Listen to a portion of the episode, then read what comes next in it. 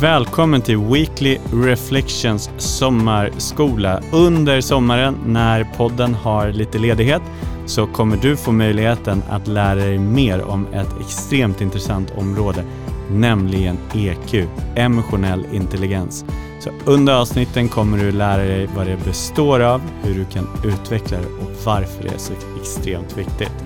Så trevlig sommarlyssning! Välkommen till det fjärde avsnittet i Weekly Reflections sommarskola om EQ, emotionell intelligens.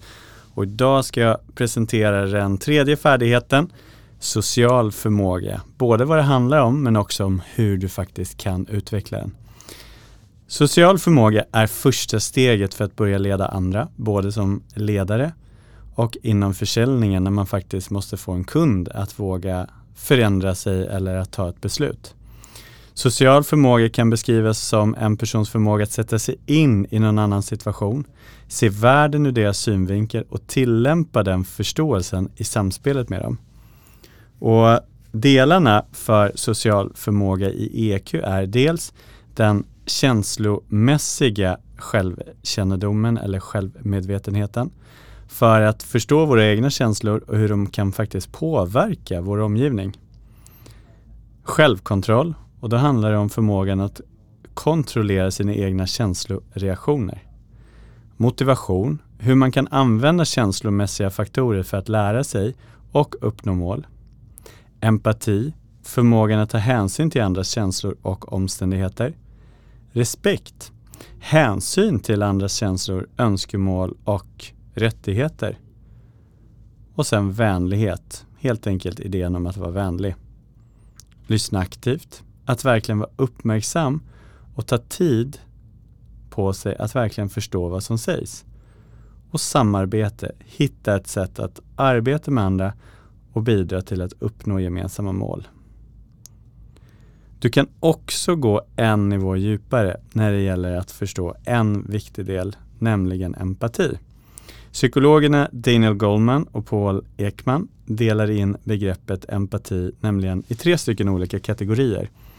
Dels den kognitiva empatin och det är förmågan att känna igen, föreställa sig och förstå en annan persons tankar och känslor.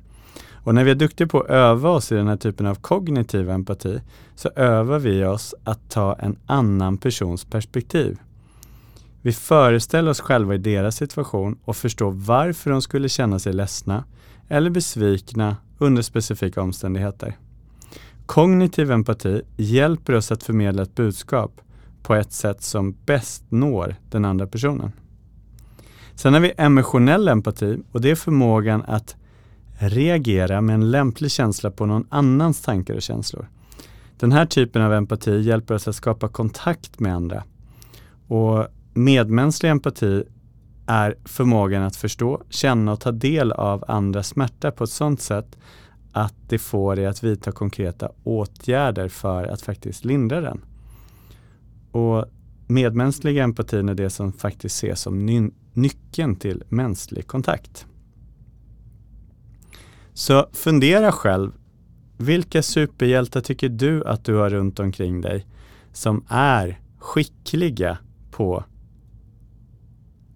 den här delen som har den starka sociala förmågan. Det vi nu kommer gå in på är just att prata om tre idéer om hur du faktiskt kan praktiskt förbättra din sociala förmåga. Nummer ett, förstå vad det innebär att lyssna. De flesta av oss, de tror att vi är bra på att lyssna. Tyvärr är sanningen den att vi oftast är för upptagna med att tänka på vårt nästa svar än att verkligen lyssna på vad andra säger. När du tar det lugnt och verkligen börjar lyssna så kan du bli förvånad över vad du faktiskt får veta. Ett bra sätt att verkligen börja fokusera på att lyssna är att sluta anteckna under möten. Det är lätt att missa något när du är upptagen med att skriva in i din anteckningsbok.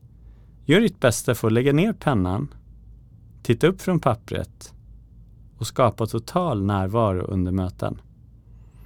Under ett möte så ska du aktivt engagera dig i andra och vara närvarande.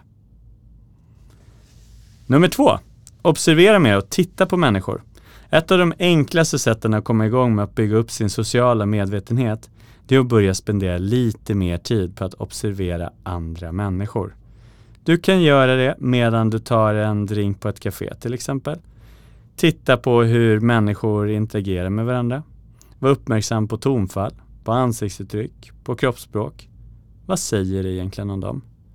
Hur uttrycker de sina känslor? Och en annan bra sak att börja observera mer, det är verkligen att känna på pulsen på kontoret. När du är uppmärksam på vad som händer runt omkring dig så kan din medvetenhet om din omgivning bidra till att faktiskt avgöra hur du själv närmar dig i olika situationer. Och den tredje saken, se på en situation ur en annan persons synvinkel. Fråga dig själv, hur skulle du bete dig om du var den andra personen? Och ju mer du övar och ju mer feedback du får, desto lättare kan du sätta dig in i andra människors situation. Nästa avsnitt så kommer jag berätta om den sista och fjärde färdigheten i EQ, nämligen förmågan att hantera relationer. Så fundera redan inför det avsnittet. Vad är dina bästa idéer idag för att bygga goda relationer?